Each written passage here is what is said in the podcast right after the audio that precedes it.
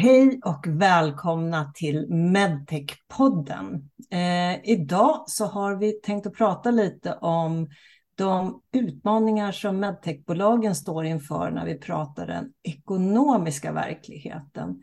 Eh, vi vet ju alla att det pratas väldigt mycket om hög inflation och att det skapar problem för samhället. Men frågan är hur ser det ut för medtechbolagen och vad kan medtechbolagen göra i den här situationen? Och för att få en bra diskussion kring det här så har jag återigen bjudit in eh, min kollega Louise Reuterhagen som ska vara med i podden idag.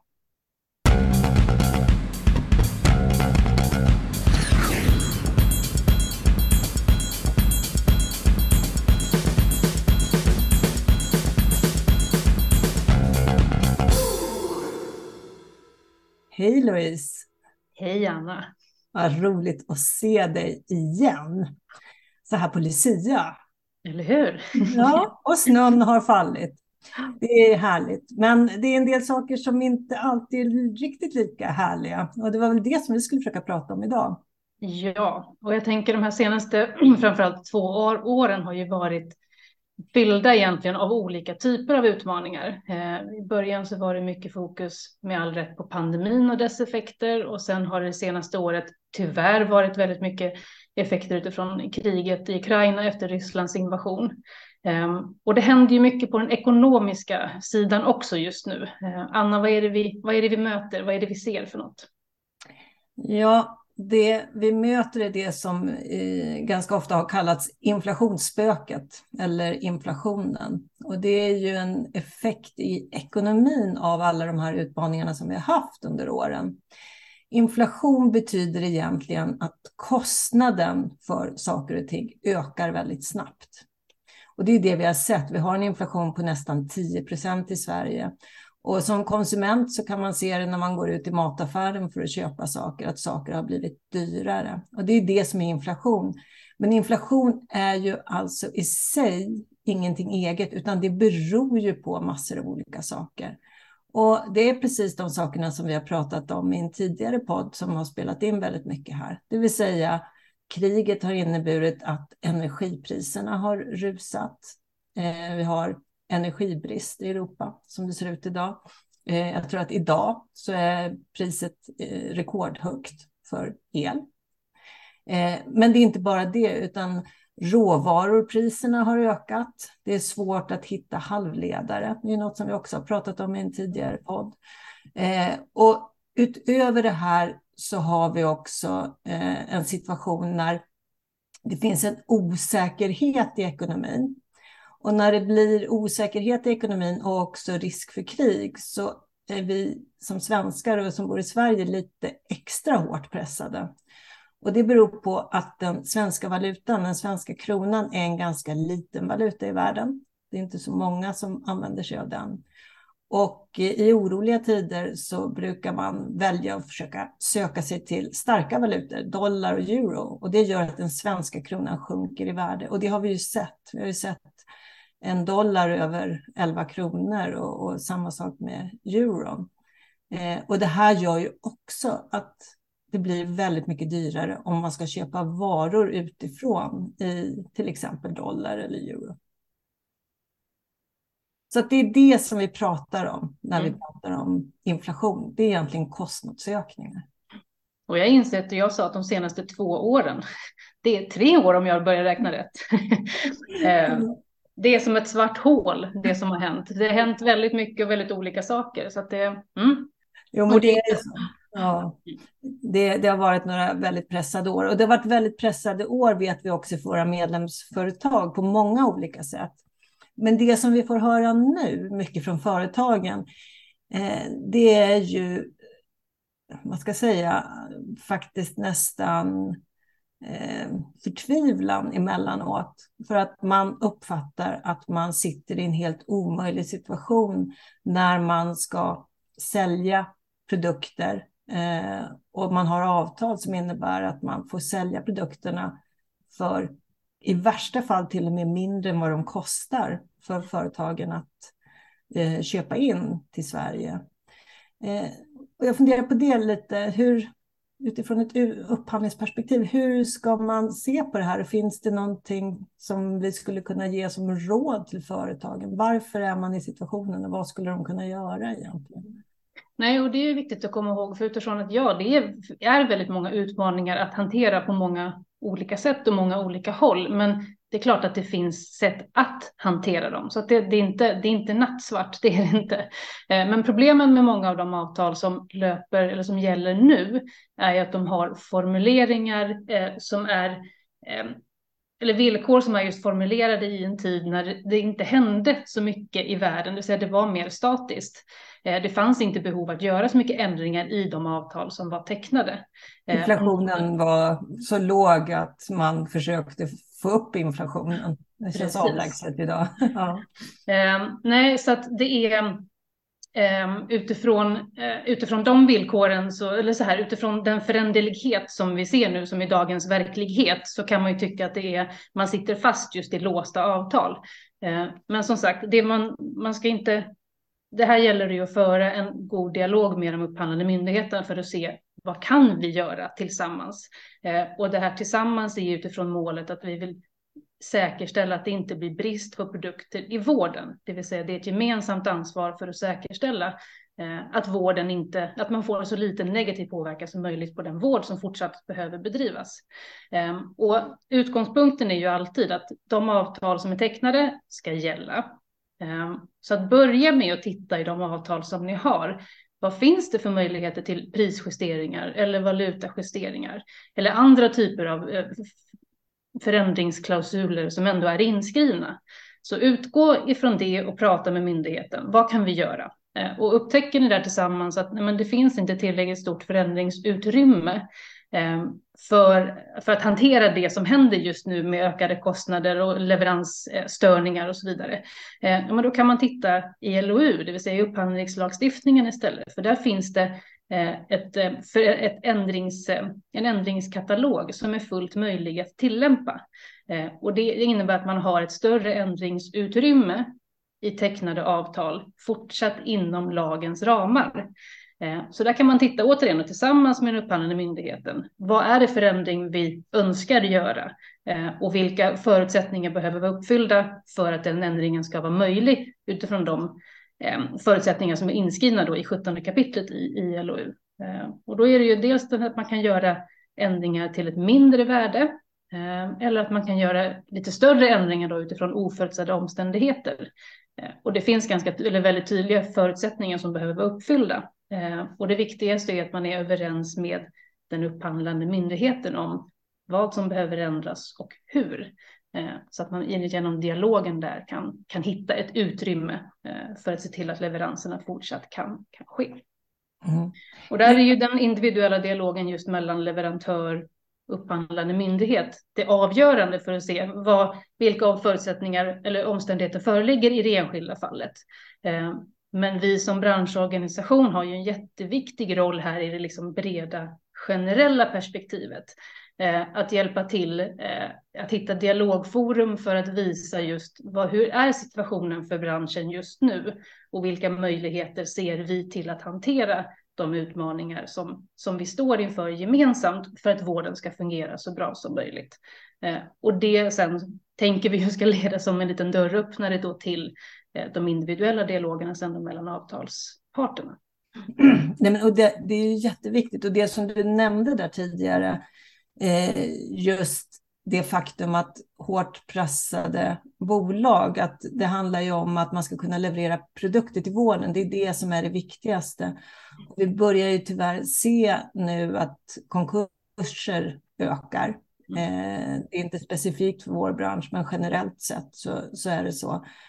Eh, och det är ju så att säga, den yttersta konsekvensen av att man som leverantör pressas för hårt. Då, mm. då kan man inte längre leverera. Och, och det är ju sällan eh, någonting som köparen, i det här fallet ofta då regionen, eh, är intresserad av. Utan i många fall så är det bättre att hitta en lösning som gör att det faktiskt går att få de produkter som man behöver få på plats för vården dagens utmaningar är så pass stora och komplexa att liksom lösningsansvaret ligger inte på en part. Vi kan inte säga åt att de behöver ändra sig för då löser det sig.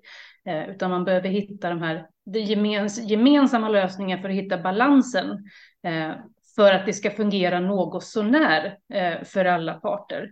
Eh, för, ja men ursäkta uttrycket, men det är en pissig situation vi befinner oss i just nu i världen. Eh, och där behöver vi hitta de gemensamma lösningarna. Och därför dialogen är så oerhört viktigt just för att hitta bästa möjliga lösningen framåt med vårdens bästa i, i åtanke. Eh, för ansvaret ligger på oss alla eh, att hitta. Och just när vi pratar om kostnadsökningar så eh, ja, väldigt många bolag försöker eh, absorbera så mycket som möjligt av de kostnadsökningar som man har. Eh, och det är klart att det kan ses som positivt i det korta perspektivet, men i det långa perspektivet så riskerar ju det, någonstans blir det ju ett hål. Ehm, så i det långa perspektivet så riskerar ju produktutveckling att få mindre resurser. Ehm, och då har vi en sämre situation framöver för att tillgodose vårdens behov. Ehm, så att vi behöver hitta balansen i att dela på bördan av kostnadsökningarna. Så att upphandlande myndighet och vård tar hälften och vi tar hälften för att leveranserna fortsatt ska möjliggöras. Och på samma sätt inte heller putta över alla kostnadsökningar på region och på vård. Eh, för då har vi också en felaktig balans, utan eh, gemensamma eh, lösningar är det som vi eftersträvar. Men precis, Nej, och det var det som jag, som jag tänkte säga, mm. att, att det kokar ju ner här i en dialog. Det är en dialog som krävs. Eh, och jag tror, och jag hoppas att, att den dialogen är igång. För lite har ju vi jobbat just med dialogen mellan eh, leverantörerna och regionerna. Kan du berätta lite om vad det är vi har gjort under de senaste månaderna? Ja, för det var ju i, i våras när kostnaderna började rusa. De har ju ökat under de senaste åren med anledning av alla utmaningar, men de rusade verkligen i höjden eh, under våren. Eh, och det var ju där som vi såg att de här, den mest kanske akuta situationen om vi tittar på eh, upphandlingsmässigt var just de här avtalen som redan gäller och formulerade men som inte har kanske skrivningar som är anpassade till föränderligheten eh, och de stora eh, ändringar som, som vi såg då. Och då tog vi till dialogverktyget, det vill säga som vi bjöd in alla regioner ehm, representanter från alla regioner till ett möte där vi också då bjöd in alla representanter i upphandlingskommittén inom Swedish Medtech. Och det var ju just fokus på hur kan vi gemensamt hantera de här avtalen, det vill säga hur kan vi tillsammans säkerställa fortsatta leveranser av medicinteknik trots de här kostnadsökningarna. Ehm, och som sagt, utgångspunkten var ju dels de avtal som gäller, men under de här mötena så var fokus på vilka ändringsmöjligheter ger LOU när avtalen inte är tillräckligt eh, eh flexibla. Um, så att vi, innan sommaren så hade vi två dialogmöten eh, vid två olika tillfällen där det var mycket fokus ut på just på dialogen mellan deltagarna, så att i workshopform. Eh, och det man pratade om då var dels då prisjusteringar, hur man hanterar det eh, och framför allt de här tillhörande underlagen för att styrka de kostnadsökningar som ligger bakom den prisjustering som man önskar. Eh, för där har det varit och är fortsatt mycket diskussioner kring eh, vad är lämpligt för mig som företag att visa? Vad får jag visa för, för, att det inte ska vara en affärshemlighet? Det vill säga vad är möjligt för mig att visa? Eh, och för att upphandlande myndighet ska förstå dels vilka kostnadsökningar som ligger bakom eh, och känna att de har konkreta underlag som om det som kopplar till de förutsättningar som eh, LOU då till exempel sätter för att få göra en ändring av ett avtal. Um, så det pratade vi mycket om eh, och just att de prisjusteringar som man begär att det ska vara en tillfällig eh, justering eh, och att man till exempel inom ett halvår tar en ny diskussion för att se hur ser läget ut? Behöver vi justera ytterligare eller kan vi ligga kvar på, eh, på den nivå som man tidigare satt? Um, Sen pratade vi också viten eh, och just viten under de här rådande omständigheterna. Ska man eh, skicka ut viten för leveransförseningar som beror eh, på omständigheter som är väldigt svåra att kontrollera? Det hade vi också diskussioner kring. Och sen då andra förslag på andra typer av ändringar som man skulle kunna ta till just för att underlätta situationen, till exempel längre leveranstider och så vidare. Ehm, så att vi hade två väldigt bra möten just innan sommaren eh, där vi kände att vi hade en fin ehm, eh, samsyn i just, eller en god förståelse för branschens situation och just det där att vi kommer att behöva hitta gemensamma lösningar för att hantera situationen för vårdens skull. Ehm, och det var då vi kände att vi tar en liten paus i, den fina dialogen, inte bara för att det kom en sommar, eh, utan just för att nu, nu har vi pratat, nu behöver vi se hur fungerar det på riktigt. Riktigt ja ja eh, så att under hösten eh, så har jag samlat in ja, men återkoppling, både från regioner men även från leverantörer såklart, för att se hur fungerar dialogen och hur fungerar arbetet i verkligheten. Um, och det hade vi då när vi bjöd in till det tredje mötet uh, nu i slutet på november så var det ju dels då en, en liten återkoppling kring vad, hur är verkligheten? Eh, vad har man sagt? Hur fungerar det? Eh, och till en början så kan man ju säga där att det är det är väldigt olika, vilket vi lite förväntade oss, eh, för att det är väldigt många olika parter och spelare som är med, med olika grundförutsättningar.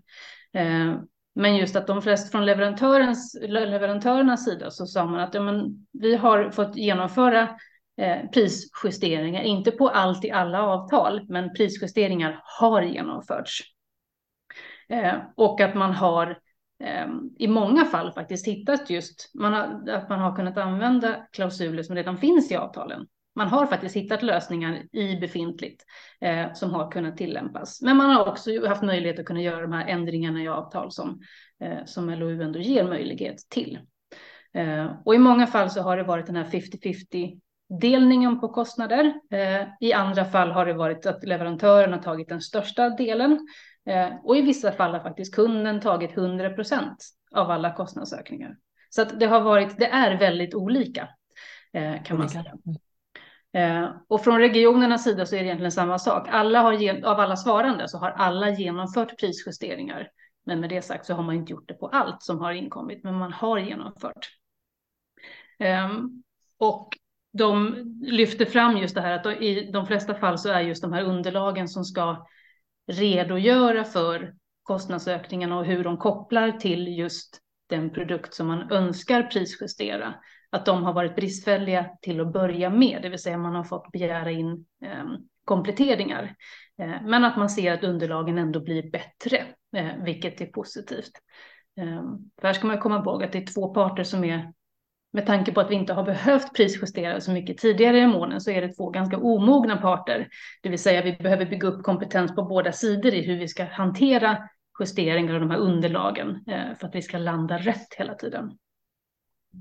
Nej, och det är väl det som, som vi ändå har sett lite och, och känt en viss oro för också. Att när det är allt för mycket dokumentation som krävs för varje enskild ökning så kommer man inte ha tid att göra mycket annat än producera och granska den här dokumentationen. Och, och det är ju också ett problem. Vill... Ja, precis. Och återigen för båda sidor, för det krävs väldigt mycket resurser från leverantörerna precis på samma sätt som det krävs väldigt mycket från regionerna. Och det är också väldigt många regioner som just säger att man lägger så mycket resurser på just avtalshantering. Att man inte har tillräckligt med resurser för att formulera de nya upphandlingarna. Det vill säga de här avtalen som vi ska leva med imorgon om ett år. Ehm, som är jätteviktigt att vi hittar nya formuleringar som är anpassade bättre till den här föränderligheten som vi ändå ser kommer finnas med oss ett tag framöver. Ehm, så att den är ju lite oro, oroväckande, ehm, att man inte har tid med viktiga förändringar, eh, förändringar framåt. Och därför är dialogen, så, att vi fortsätter ha dialogen i hur vi kan hjälpa varandra, så oerhört viktig.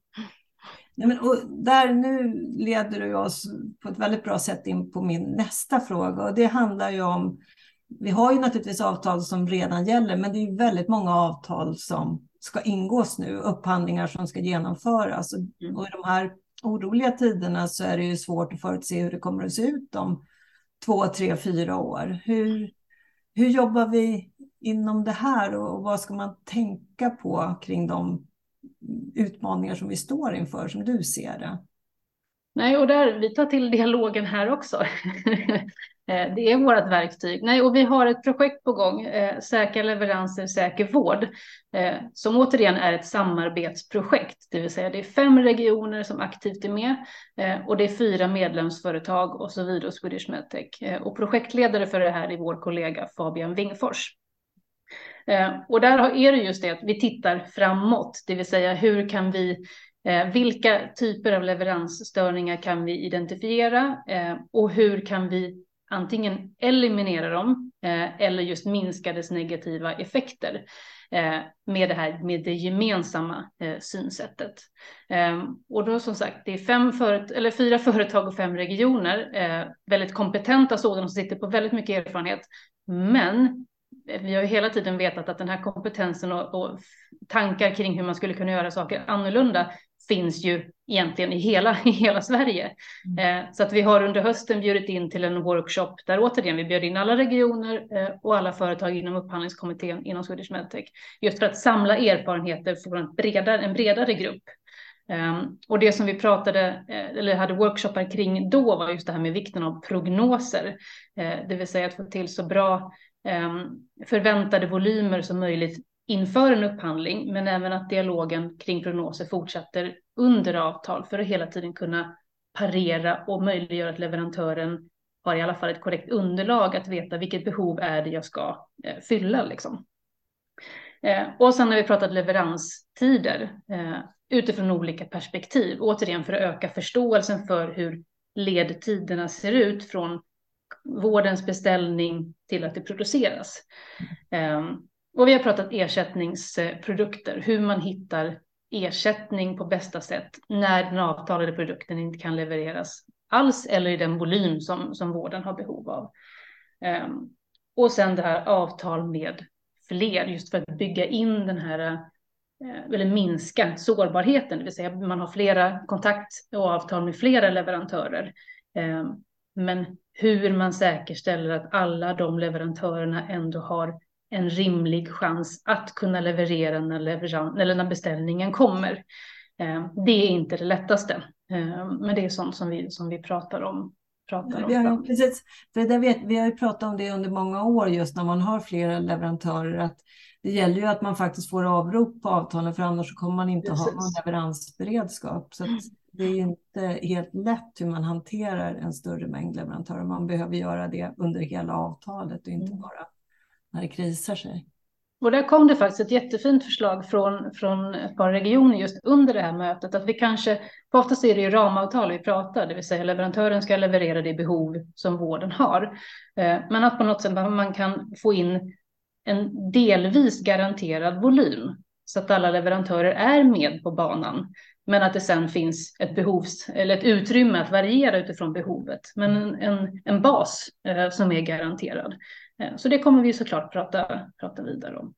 Eh, och det är just viktigt att man pratar om de här villkoren som, som, som, som finns med i avtalen, om det är prisjusteringar, valutor, eh, garantier och, och viten och så vidare. För att tidigare genom åren så har ju affären legat i de produkter som ska köpas. Det är där liksom avgörandet har, har legat. Som världen är nu så ligger snarare affären, det vill säga kan vi lämna anbud eller inte, i just de här villkoren i avtalen. Mm. Eh, och det är därför som dialogen kring det här är så himla viktigt och just att det sker i ett tidigt skede så att man möjliggörs att hitta nya, för, nya formuleringar så att inte eh, synpunkter eh, kommer in för sent, till exempel under frågor och svarsperioden, för där är det oftast tidsmässigt för sent att hinna med en, en, en förändring från myndighetens sida, för det krävs det är fler beslutsvägar. Så det som vi har uppmuntrat till där, då, både till leverantörer att be om, men även för myndigheter att faktiskt tänka på från början, är att i om man gör en RFI eller om man har hearings, externa remisser, att man inkluderar antingen hela avtalsbilagan eller just de här äh, väldigt avgörande äh, affärsvillkoren äh, som kan bära eller brista en affär. Ehm, och där är det flera regioner som också just har identifierat det här att det finns en oro på det från deras sida att en, en alltför restriktiv hållning kan leda till för, alltså att det blir högre riskpremier från leverantörernas sida eller att det faktiskt blir färre anbud i upphandlingarna. Så att där behöver vi verkligen eh, återigen hitta den här balansen i villkoren för att det ska bli en god affär, det vill säga en god affär för alla inblandade parter. Ja, men precis. Och det är väl det som man kan se idag, att om man går in eh, och ska gå in i ett fyraårigt avtal och idag ser en inflation på 10 procent och det är inte självklart, även om vi naturligtvis hoppas att den kommer att avta, det, det kan vara behov att ta höjd för ganska höga eh, kostnader i slutet av den här fyraårsperioden. Och, och och beredskapen för det tror jag inte är jättestor egentligen eh, i systemet överhuvudtaget. Utan eh, vi, vi har vant oss av vid inflation och att den finns nu gör att vi, vi behöver tänka om ganska mycket kring hur man ingår avtal och vilka, vilka delar i avtalen som man behöver eh, kunna justera under gång. En intressefråga bara som kanske lyssnaren har vi pratar mycket om, om prisjusteringsklausuler, men om vi nu säger att eh, om två år så eh, är allting över, det finns inte någon pandemi, eh, kriget är avslutat och Ukraina är återuppbyggt på ett bra sätt, allting är fantastiskt.